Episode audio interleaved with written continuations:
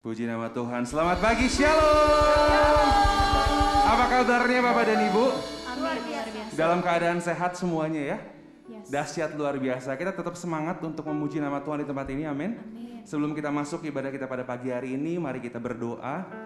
Mari kita siapkan hati kita. Terima kasih Yesus, terima kasih Roh Kudus. Bapak kami yang baik, Bapak kami yang setia. Terima kasih untuk setiap berkat-Mu Tuhan. Dari hari ke hari ya Bapak. Engkau sungguh sangat memberkati hidup kami ya Tuhan. Kini tiba saatnya bagi kami Bapa, di hari Minggu ini kami ingin mempersembahkan yang terbaik yang ada pada kami Tuhan melalui setiap pujian kami, melalui setiap penyembahan kami ya Bapa. Engkau yang beracara di tengah-tengah kami, melawat setiap kami Tuhan dan menikmati setiap persembahan kami ya Yesus. Inilah kami Tuhan, inilah kami Roh Kudus. Kami siap untuk memuji dan memuliakan nama Engkau lebih lagi. Mari sama-sama siap kita katakan Amin. Yes. Saya undang kita semua untuk bangkit berdiri. Mari kita puji nama Tuhan. Come on. Oh giranglah, oh giranglah, Tuhan Yesus amat cinta pada saya. Oh giranglah, lebih lagi.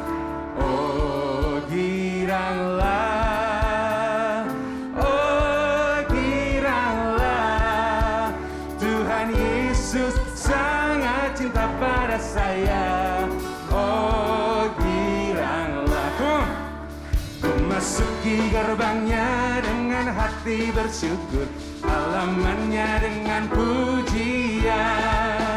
Kataku hari ini harinya. Amin. Lebih lagi nyanyikan. Ku masuki gerbangnya dengan hati bersyukur Halamannya dengan pujian. Kataku hari ini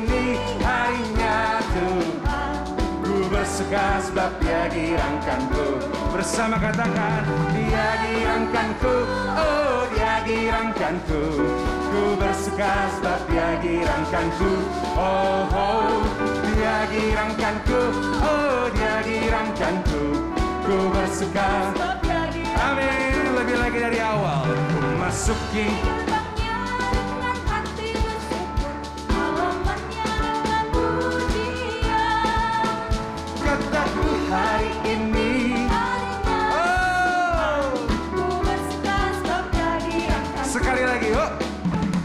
Ku masuki gerbangnya dengan hati bersyukur Halamannya dengan pujian. Kataku hari ini Haleluya. Katakan dia girangkanku Dia girangkanku. Oh dia girangkanku. Ku bersuka sebab dia girangkanku. Oh oh Dia girangkanku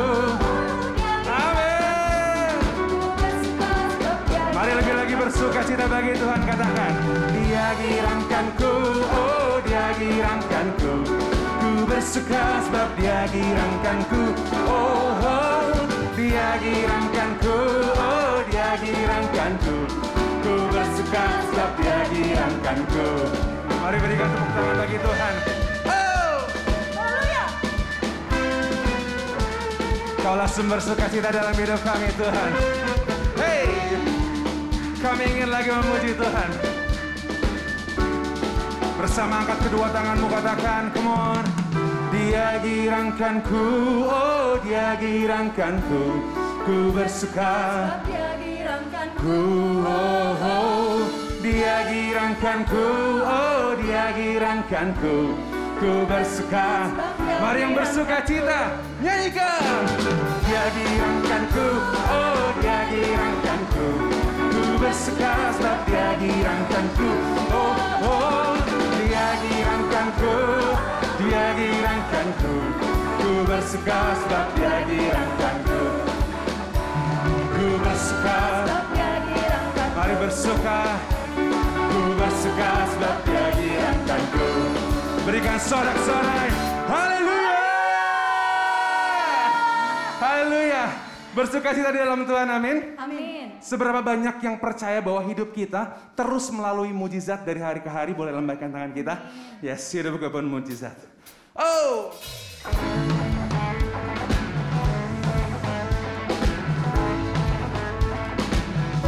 bersama nyatakan sebelum dunia ini ada kuasamu telah terbentang amin sepanjang sejarah manusia. Tak ada yang sanggup menyangkali kau alfa omega. Tuhanku luar biasa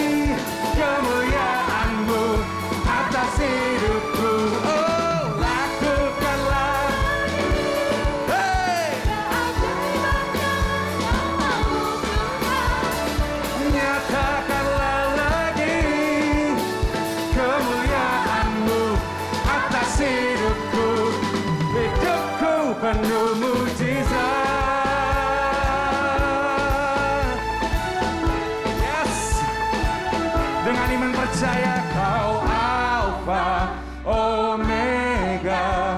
Tuhanku luar biasa. oh perbuatanmu. Amin. Angkat kedua tanganmu pada Tuhan. Kau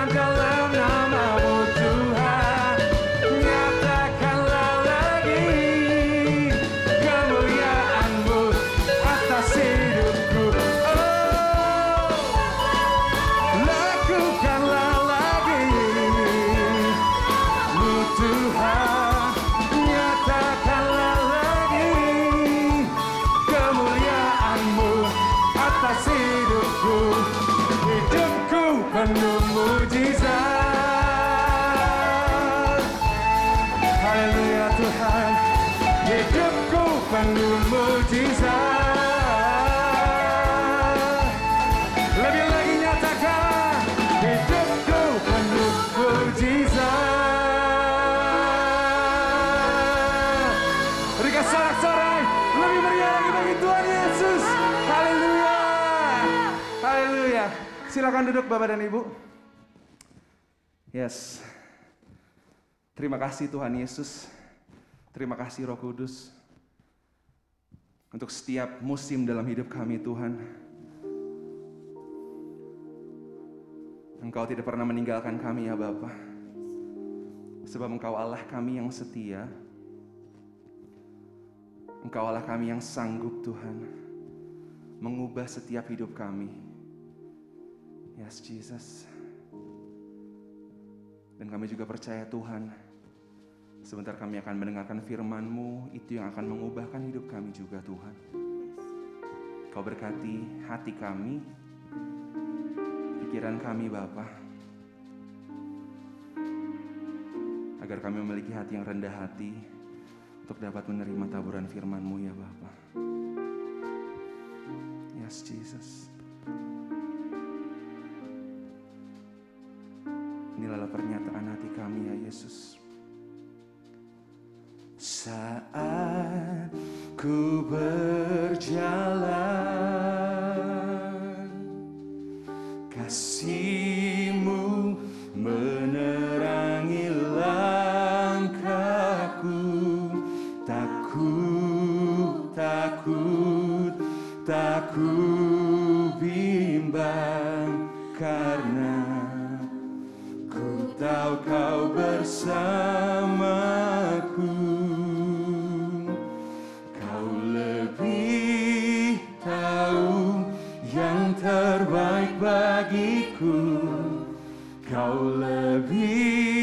sanggup pulihkan hidupku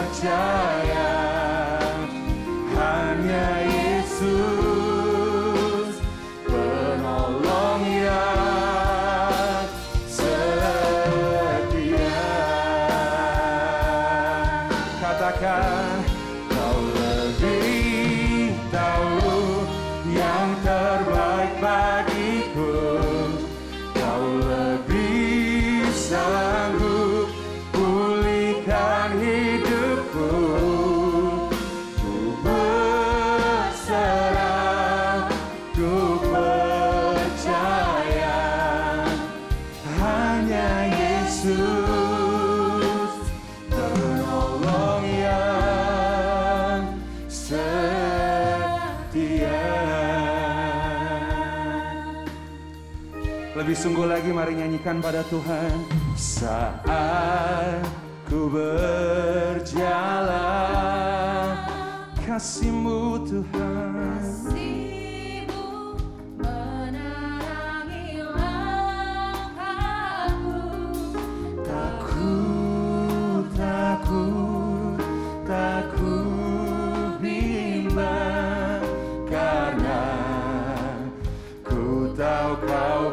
My.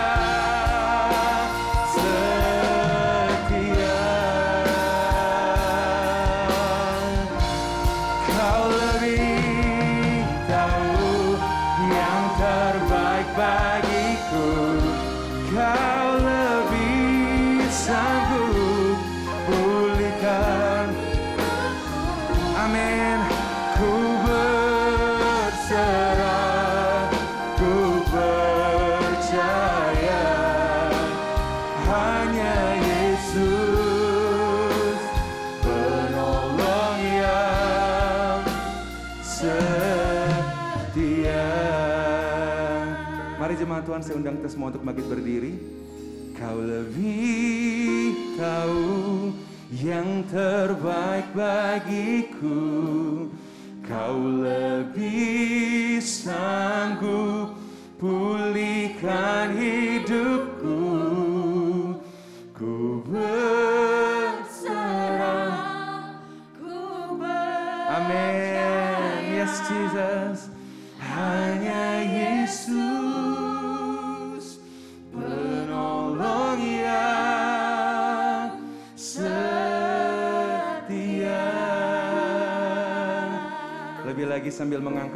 tanganmu.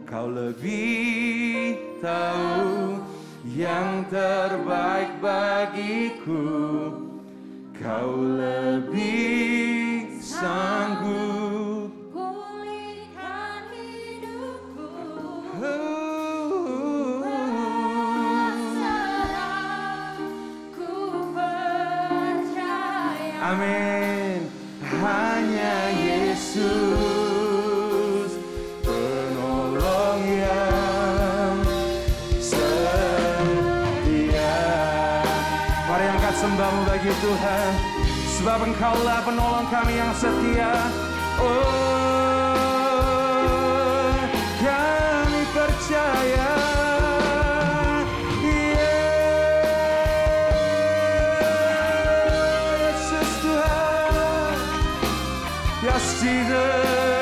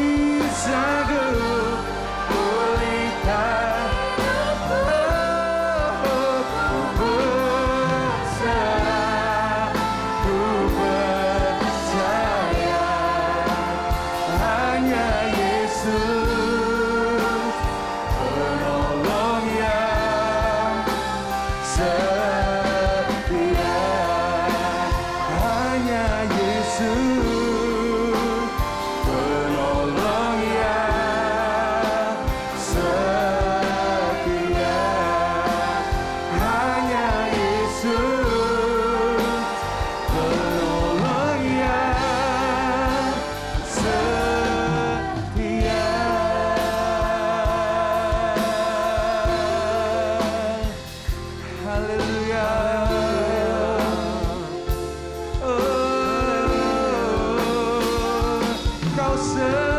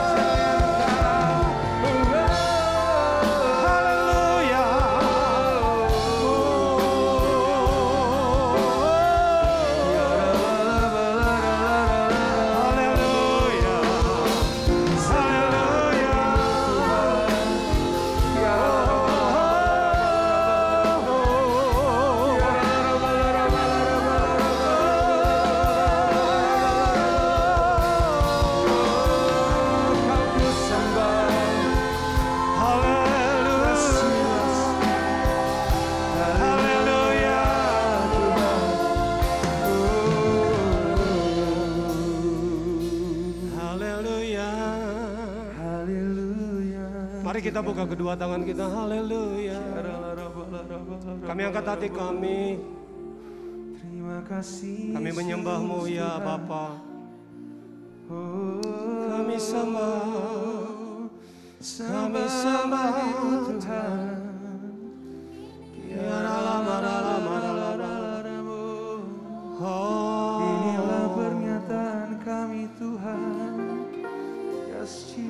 Hati kita, angkat hati kita. Oh Yesus. Tuhan hadir di tengah-tengah kita.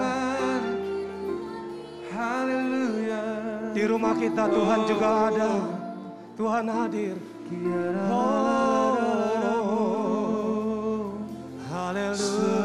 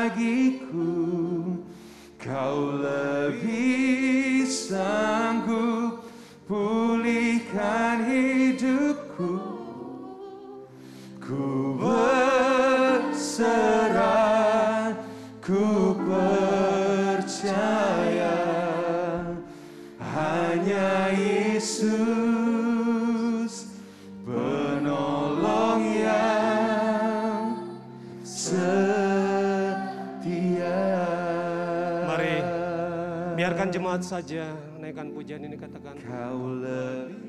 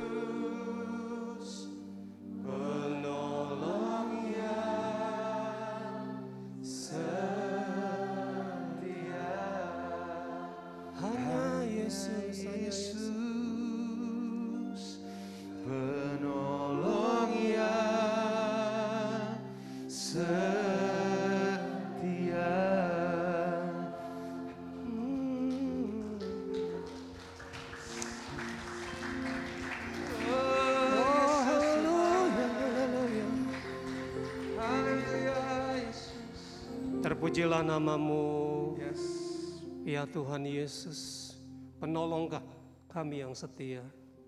Sebab Engkau yang menjawab doa-doa kami, lebih daripada apa yang dapat kami doakan, lebih daripada apa yang dapat kami pikirkan Tuhan. Supaya nyata bahwa kemuliaan kekuatan itu Amin, datangnya dari Tuhan. Yes. Makasih buat pagi ini. Urapi setiap kami. Kami mau dengar sabda firman-Mu Tuhan. Firman-Mu akan membebaskan, memerdekakan setiap kami. Bagi Tuhan segala pujian. Di dalam nama Tuhan Yesus kami berdoa. Sama-sama kita katakan. Amin. Haleluya, haleluya. Terima kasih teman-teman.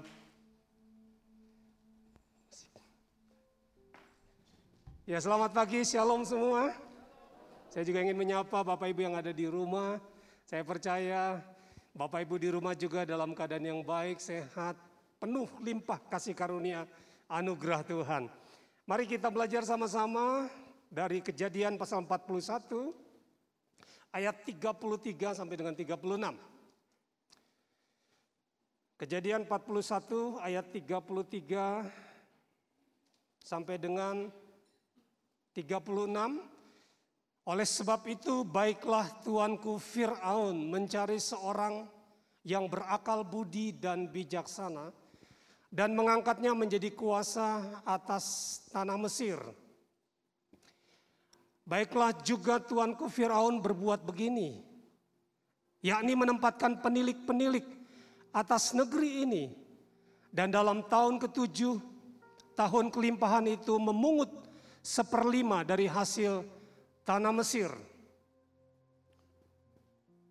Selanjutnya, mereka harus mengumpulkan segala bahan makanan dalam tahun-tahun baik yang akan datang ini. Dan di bawah kuasa Tuanku Fir'aun menimbun gandum di kota-kota sebagai bahan makanan serta menyimpannya. Demikianlah segala bahan makanan itu menjadi persediaan untuk negeri ini dalam ketujuh tahun kelaparan yang akan terjadi di tanah Mesir supaya negeri ini jangan binasa karena kelaparan itu. Nah, kita lihat di sini krisis yang dialami oleh Mesir dan juga oleh bangsa-bangsa yang ada di sekitar Mesir ya tanah kana semua tanah Kanaan itu menyebabkan kelaparan ya, krisis kelaparan menyebabkan mereka kesulitan dalam ekonomi. Kalau kita baca terus, maka ini yang terjadi pada orang-orang Mesir pada waktu itu. Dalam satu tahun, uang mereka tuh habis semuanya. Apa yang mereka simpan, mereka punya itu dalam satu tahun, itu sudah habis. Tahun kedua mereka mulai jual ternak mereka. Mereka datang ke Yusuf, ya, jual bahkan jual tanah mereka, bahkan jual hidup mereka supaya mereka jadi budak. Supaya apa? Supaya mereka, anak-anak mereka bisa makan. Padahal kelaparan itu tujuh tahun. Baru tahun pertama saja itu sudah habis kalau kita baca di situ. Dasyatnya krisis yang terjadi pada waktu itu. Nah saya ingin berkata begini, Selama bumi ini berputar, selama matahari bersinar, ada musim menuai, musim men, musim menabur, musim menuai, maka akan juga terjadi tahun-tahun yang baik, masa-masa kelimpahan akan terjadi. Tetapi ingat, juga akan terjadi masa-masa saat-saat yang sukar. Bahkan saat-saat yang sukar ini nggak diketahui kapan datangnya. Ayo siapa yang nyangka pandemi ini membawa dampak seperti ini bagi seluruh dunia. Saya percaya kita semua dipelihara oleh Tuhan. Amin. Tapi banyak sekali orang yang mengalami kesulitan karena krisis yang terjadi ini.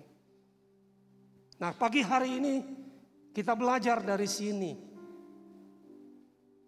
Salah satu pelajaran yang Tuhan ajarkan selama masa pandemi ini kepada saya, kepada kami, ya tentunya kepada kita semua, supaya kita belajar tentang hal ini. Karena itu pagi hari ini dari bacaan ini saya ingin memberikan tema judul bagi kita semua. Hidup hemat dan berhikmat. Ini ternyata kunci kalau kita pelajari ini bagaimana Yusuf bisa keluar. Bahkan dia membawa Mesir, seluruh Mesir keluar. Bahkan bangsa-bangsa pun mendapatkan solusi dari Yusuf. Dalam tujuh tahun yang luar biasa krisisnya. Mungkin kalau dibandingkan belum ada apa-apanya kita ini dibandingkan dengan pada saat Yusuf ini. Nah di sini ada dua hal. Kunci bagaimana kita supaya bisa tetap tetap eksis, tetap kuat untuk keluar dari masa-masa yang sukar. Ya, jadi berkat seperti Yusuf. Yang pertama kalau kita baca tadi dikatakan begini, Yusuf katakan baiklah tuanku Fir'aun mencari, mencari seorang yang berakal budi dan bijaksana. Ini tentang hikmat. Hidup kita harus penuh dengan hikmat. Solusi, jalan keluar bagi kita menghadapi situasi yang sulit. Salah satunya adalah hikmat. Sama-sama katakan hikmat. Karena dengan hikmat kita akan mendapatkan jalan keluar itu. Roh Kudus akan berbicara kepada kita, kasih hikmat sama kita. Untuk apa pun situasi yang sedang kita alami. Yang kedua dikatakan dalam tahun ketujuh tahun kelimpahan memungut seperlima di tanah Mesir, dari tanah Mesir, mengumpulkan segala bahan makanan dalam tahun-tahun yang baik, menimbun gandum di kota-kota sebagai bahan makanan, menyimpannya untuk menjadi persediaan, mengumpulkan, menyimpannya untuk menjadi persediaan dalam ketujuh tahun kelaparan, supaya negeri ini jangan binasa oleh kelaparan. Ternyata kelimpahan yang Tuhan kasih selama tujuh tahun itu, maksudnya supaya dikumpulkan, disimpan, untuk menjadi persediaan untuk masa yang sukar di depan sana. Kalau kita tahu masa di depan sana sukar. Hari ini kita akan siap-siap. Kalau saja dua tahun sebelum pandemi terjadi, kita sudah tahu. Kita pasti akan siap-siap. Kita akan kumpulkan bahan makanan. Persediaan untuk kita dan untuk anak-anak kita. Mungkin saja usaha kita akan terganggu nanti di depan sana. Karena krisis yang kita sudah tahu akan terjadi di sana. Tapi karena kita sudah tahu kita punya persiapan. Berapa banyak orang kaget. Tiba-tiba. Waduh nggak, nggak siap. Sekalipun tadinya banyak uang. Tapi karena tidak membuat persediaan. Tiba-tiba goncang, kolaps. Banyak sekali cerita tentang itu. Nah ini firman Tuhan yang mau diajarkan kepada kita. Mungkin di depan sana akan ada kesukaran yang lebih besar. Siapa tahu, siapa yang tahu. Tapi kalau kita pelajari, kita pegang prinsip firman Tuhan ini, saya percaya hidup kita semua akan menjadi seperti Yusuf. Amin. Kita akan memelihara anak-anak kita. Kita akan memelihara keluarga kita di tengah-tengah krisis, di tengah-tengah kelaparan. Bahkan kita akan jadi berkat untuk banyak orang. Yang setuju katakan amin. Siapa yang tahu di depan sana akan terjadi sesuatu yang lebih parah. Tapi kalau kita belajar pegang prinsip firman Tuhan ini.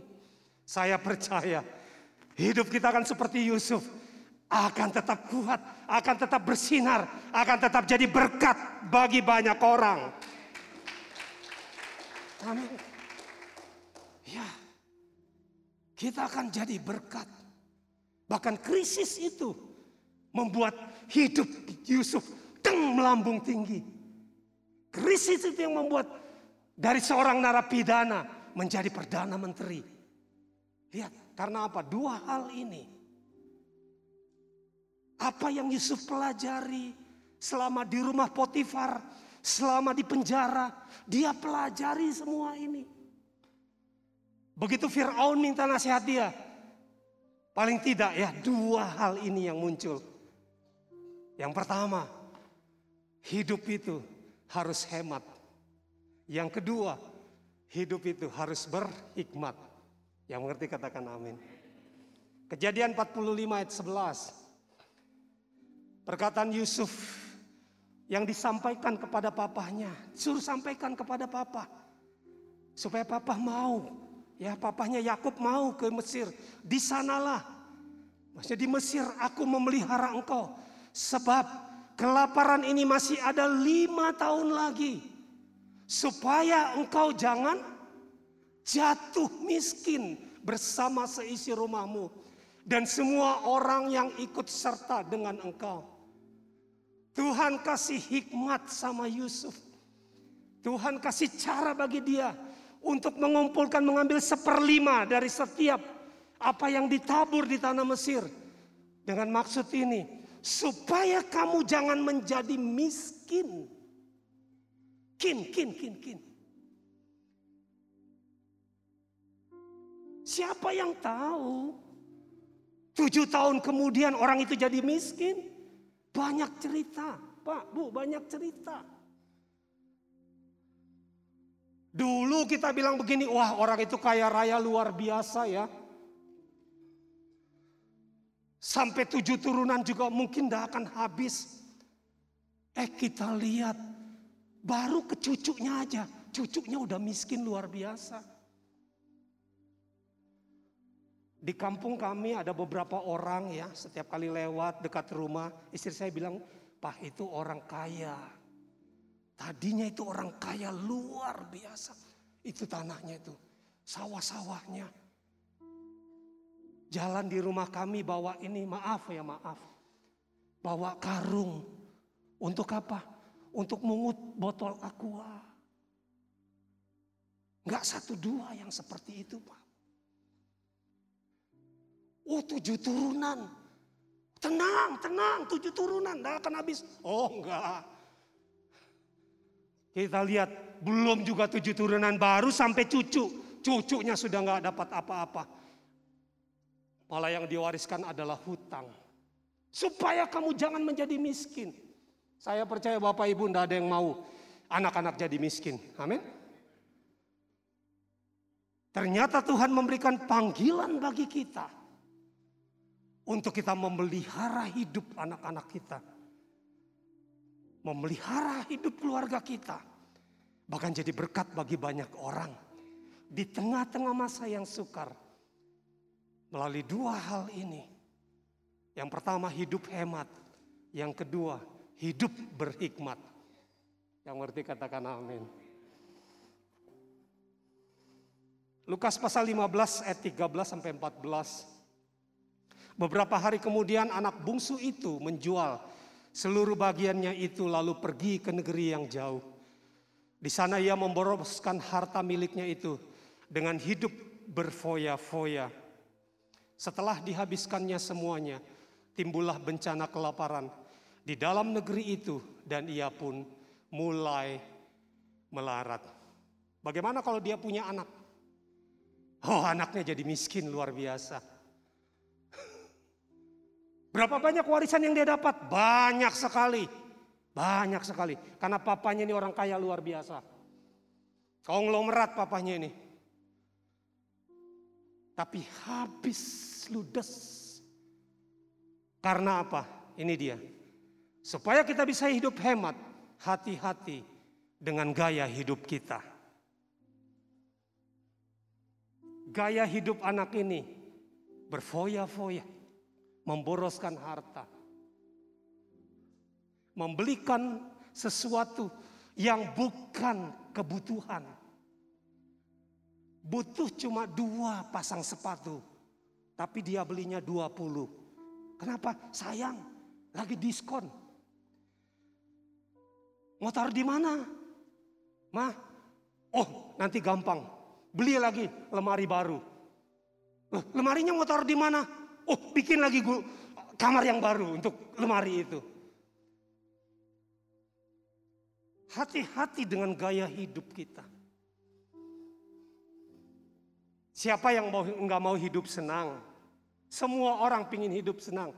Tapi ingat, kalau kita lagi kelimpahan, ingat, mungkin di situ ada sesuatu yang Tuhan taruh supaya kita simpan itu untuk persediaan menghadapi masa-masa yang sukar. Supaya kita kumpulkan dan simpan itu. Supaya anak-anak kita jangan jadi miskin. Bagaimana kita mau jadi berkat, jadi terang kalau kita miskin? Hutang sana sini. Tidak bayar akhirnya nama Tuhan. Yang dipermalukan. Kenapa? Katanya orang miskin. Orang Kristen Katanya pelayan Tuhan. Tapi Pak, hutang sama saya nggak bayar Pak. Belum lagi yang di sana, di sana, di sana. Kenapa? Kayak hidup. Pingin ini, pingin ini, pingin ini. Ingat, ingat belajar dari Yusuf. Kelimpahan itu diberi bukan supaya Yusuf bersenang-senang di dalamnya. Tapi kelimpahan itu diberi supaya ada persediaan makan untuk anak-anaknya, untuk keturunannya, Untuk semua orang, papahnya, sepupunya, keponakannya semua dipelihara oleh Yusuf. Kenapa? Karena dia punya. Dia ada untuk dia berikan.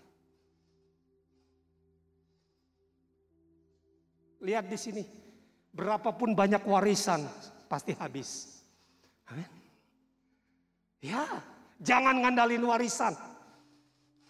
Kita orang tua memang harus mempersiapkan warisan untuk anak-anak kita. Seperti Abraham kasih warisan yang luar biasa untuk Ishak. Saya percaya kalau kita perhatikan firman Tuhan ini seperti yang Yusuf lakukan, maka kita akan mewariskan banyak harta untuk anak-anak kita. Yang saya katakan amin. Jadi kaya itu bukan soal, uh dapat sekaligus besar. Enggak. Belajar sama semut, belajar sama Yusuf. Ngumpulin seperlima, seperlima. Ngumpulin tiap bulan 20 persen, 20 persen, 20 persen, 20 persen. Saudara kumpulkan 7 tahun jadi berapa? Saudara kumpulkan 20 tahun jadi berapa itu?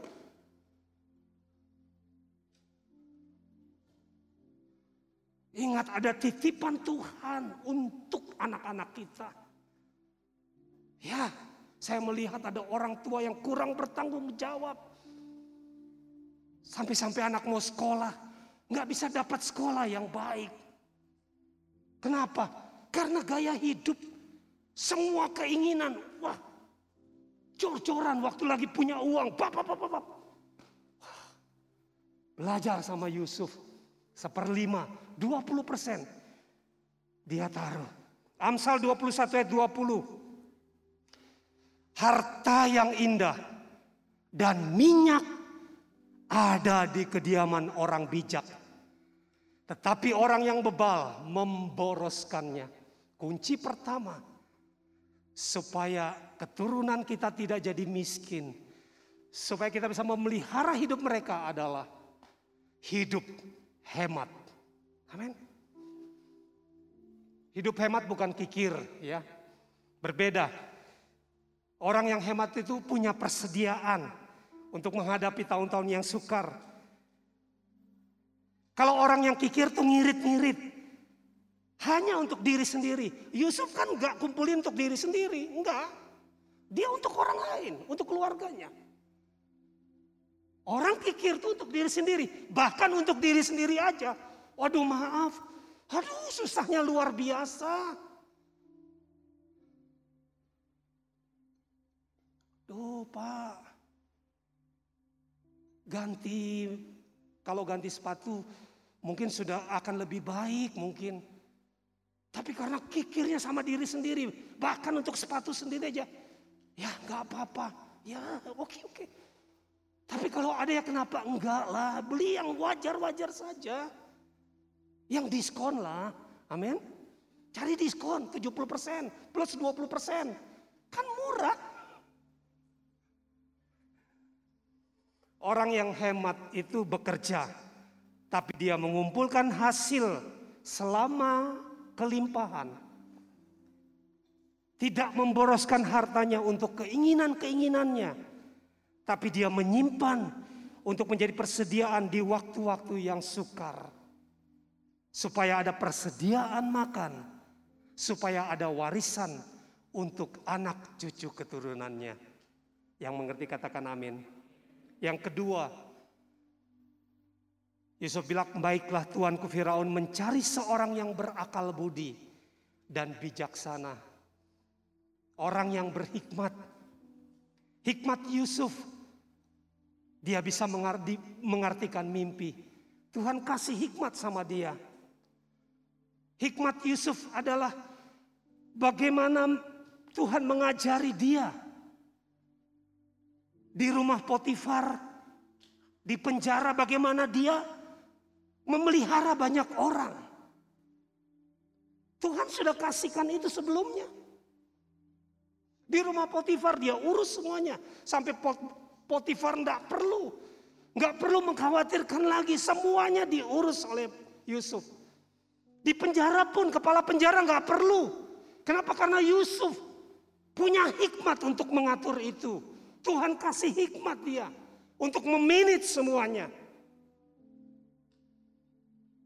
Ibu rumah tangga yang berhikmat, dia akan mengatur tanggung jawab untuk pembantu yang ini, yang membantu yang ini, untuk anak yang ini, semua diatur dengan hikmat. Satu Raja-Raja 3 ayat 12 kita lihat. Apa yang membuat Salomo besar, Bapak Ibu sudah tahu semuanya. Maka sesungguhnya aku melakukan sesuai dengan permintaanmu itu. Sesungguhnya aku memberikan kepadamu hati yang penuh hikmat dan pengertian. Sehingga sebelum engkau tidak ada seorang pun seperti engkau.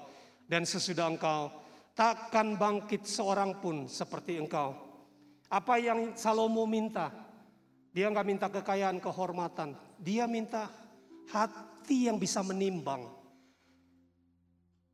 Dia minta hikmat dan pengertian dari Tuhan.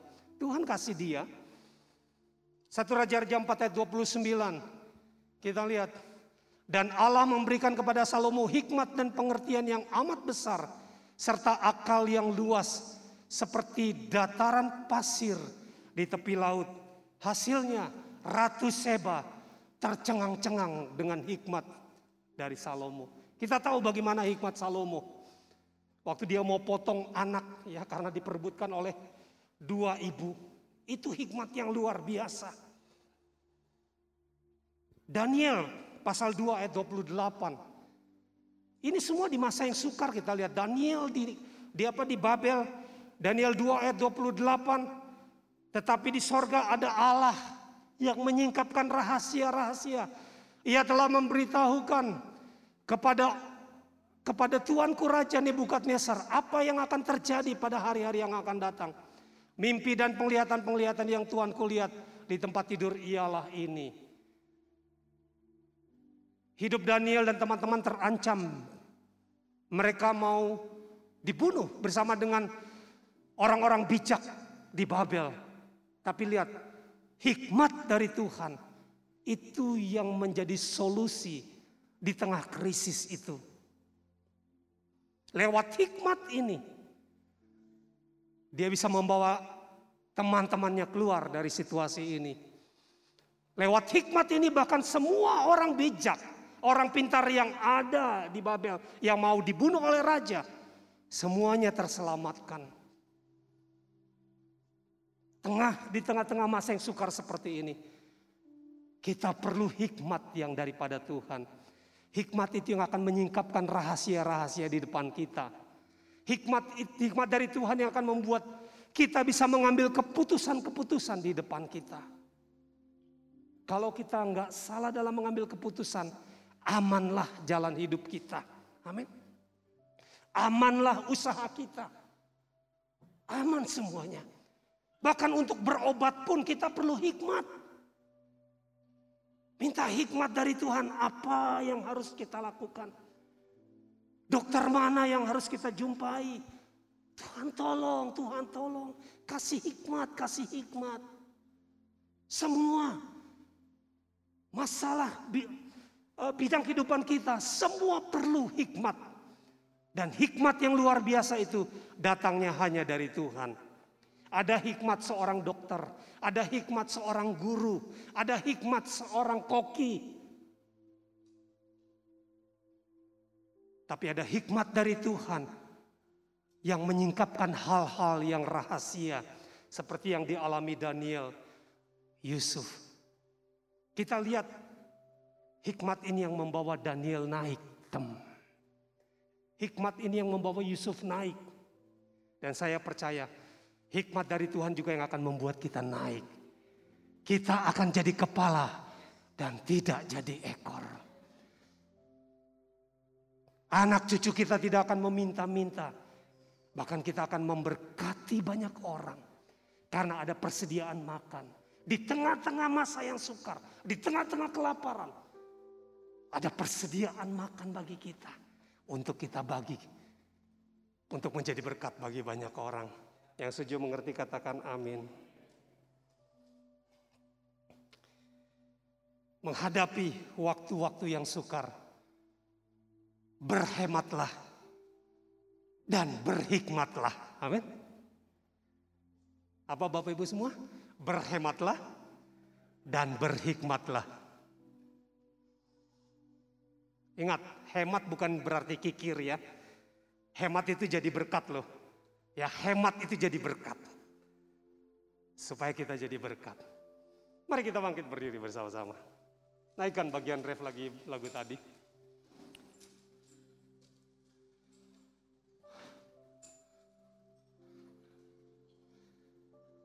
Bapak Ibu Saudara diberkati dengan firman Tuhan. Apa pun masa yang sukar di depan sana, kita hadapi semuanya. Kita akan dibawa naik lebih tinggi. Amin.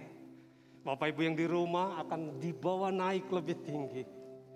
Bersama dengan Tuhan. Dengan hikmat yang dari Tuhan. Dengan gaya hidup yang dari Tuhan. Berhemat, mengumpulkan sedikit, sedikit, sedikit Begitu kelaparan datang, ada persediaan. Mari naikkan pujian ini. Yesus,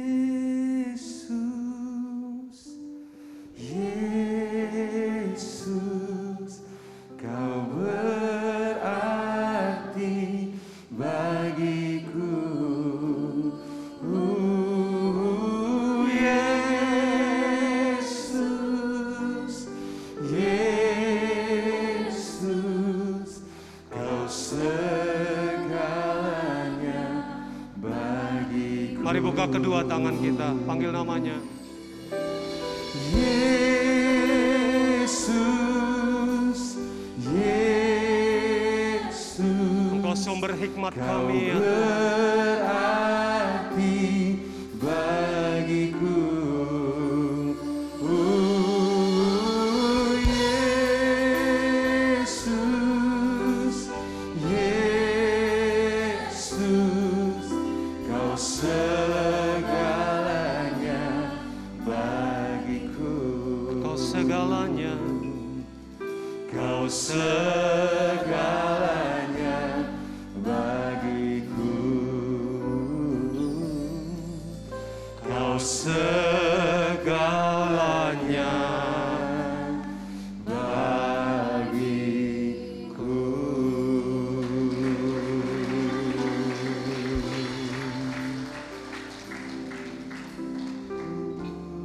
Percaya Tuhan akan membuat kami menjadi kepala dan bukan menjadi ekor. Amin. Seperti hamba-hambamu, Yusuf, Daniel dan teman-temannya. Engkau buat mereka jadi kepala. Engkau mengangkat hidup mereka ya Tuhan.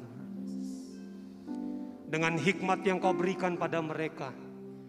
Dengan gaya hidup yang kau ajarkan kepada mereka. Engkau bawa mereka naik.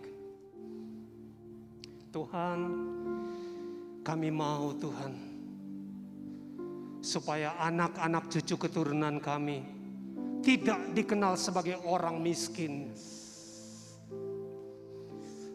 tetapi dikenal sebagai orang-orang yang hidupnya diberkati, berlimpah, dan menjadi berkat bagi banyak orang. Karena ada persediaan makanan yang dikumpulkan selama masa-masa yang sukar. Berapa banyak Bapak Ibu Saudara mau meresponi firman Tuhan ini. Ya. Kita mau jadi berkat bagi banyak orang. Kita mau pelihara hidup anak-anak kita. Cucu keturunan kita. Kita nggak mau mereka jadi miskin. Berapa banyak Bapak Ibu Saudara yang mau? Mari buka kedua tangannya. Ya. Tuhan, Engkau pilih kami untuk kami memelihara hidup banyak orang supaya nama Tuhan dipermuliakan. Amin. Tuhan, kami berdoa Tuhan, kami berdoa. Terima kasih buat firman-Mu. Terima kasih Yesus. Kami mau meresponi firman-Mu ya Tuhan.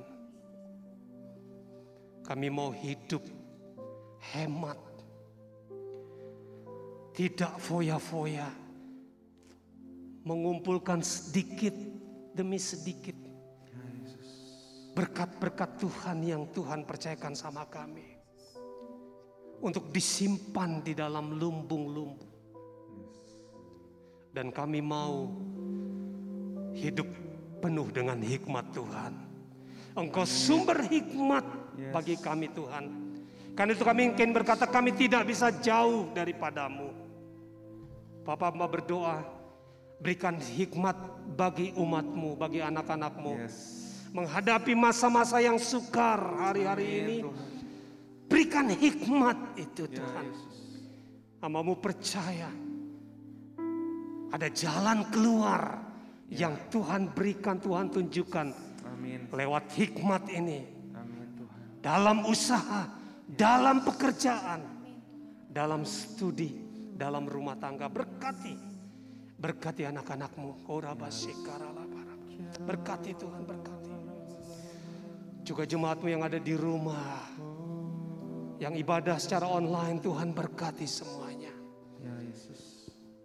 Angkat, bawa naik, Amin. jadi kepala, dan bukan menjadi ekor. Yes. Berkati setiap rumah tangga. Berkati Tuhan. Apa yang dikerjakan anak-anakmu. Buat semuanya berhasil Tuhan. Ada penyertaan Tuhan yang membuat semuanya berhasil. Di segenap jalan yang dijalani anak-anakmu Tuhan. Amin. Amin Tuhan. Di sekolah, di studi, berhasil. Rumah tangga harmonis, berbahagia, suami istri berbahagia. Orang tua anak-anak berbahagia. Satu hati, satu jiwa. Ya Yesus. Terima kasih Tuhan, terima kasih. Bapak Mbak berdoa kalau ada yang sakit, umatmu Tuhan jamah. Ya, Sembuhkan di dalam nama Tuhan Yesus. nama Yesus. Oleh bilur-bilur Yesus. Dalam nama Tuhan Yesus. Sembuh, jadilah sembuh. Dalam nama Tuhan Yesus. Makasih Tuhan. Biar umatmu bersinar. Menjadi berkat bagi banyak orang Tuhan. Terima kasih Bapak. Bapak berdoa untuk setiap persembahan yang dipersembahkan. Persepuluhan, persembahan syukur. Untuk pemeliharaan rumah Tuhan, Tuhan berkati berlimpah-limpah. Lipat gandakan lewat pekerjaan, lewat usaha. Amin Tuhan. Lipat gandakan semuanya dalam nama Tuhan Yesus. Berkati Tuhan. Berdoa untuk pemimpin-pemimpin rohani kami. Kami berdoa untuk pemimpin-pemimpin kota kami. Pemimpin-pemimpin bangsa kami. Tuhan engkau memberkati semua. Kasih hikmat sama mereka. Untuk memimpin kami semua. Untuk memimpin kota ini. Memimpin bangsa ini. Berkati Pak Joko Widodo. Berkati Pak Maruf Amin. Di dalam memimpin Indonesia ini Tuhan. Kasih hikmat supaya Indonesia terus tambah kuat Tuhan. Keluar dari situasi krisis-krisis yang ada. Karena hikmat dari Tuhan, hikmat dari Tuhan yang turun atas Pak Joko Widodo dan Pak Maruf Amin Amin. bersama dengan para menterinya, TNI Polri semuanya. Berdoa Tuhan keselamatan untuk bangsa kami.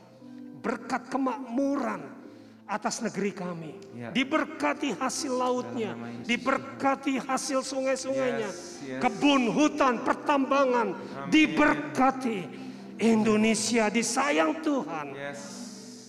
Indonesia diangkat oleh Tuhan. Terima kasih Tuhan berkatmu bagi kami semua. Sebentar kami akan pulang. Kami akan tinggalkan tempat ini. Yang di rumah juga. Kita siap semua terima berkat Tuhan. Mari angkat kedua tangan kita. Sebab Tuhan memberkati keluar dan masukmu. Tuhan memberkati buah kandungan, anak-anak cucu keturunanmu. Tuhan memberkati ladang, bakul adonan, studi sekolah, usaha pekerjaanmu. Tuhan memberkati engkau dan melindungi engkau di segenap jalanmu. Ia menyinari engkau dengan wajahnya dan memberi engkau kasih karunia. Ia menghadapkan wajahnya kepadamu dan memberi engkau damai sejahtera. Yes. Amin Tuhan. Hikmat, kekuatan, sukacita yang berlimpah dari Bapa di sorga. Cinta kasih Tuhan Yesus Kristus. Persekutuan dan penghiburan roh kudus. Menyertai kita semua pagi ini sampai Tuhan datang kali kedua bahkan sampai selama-lamanya di dalam nama Tuhan Yesus. Sama-sama kita katakan amin. Selamat pagi. Tuhan Yesus memberkati kita.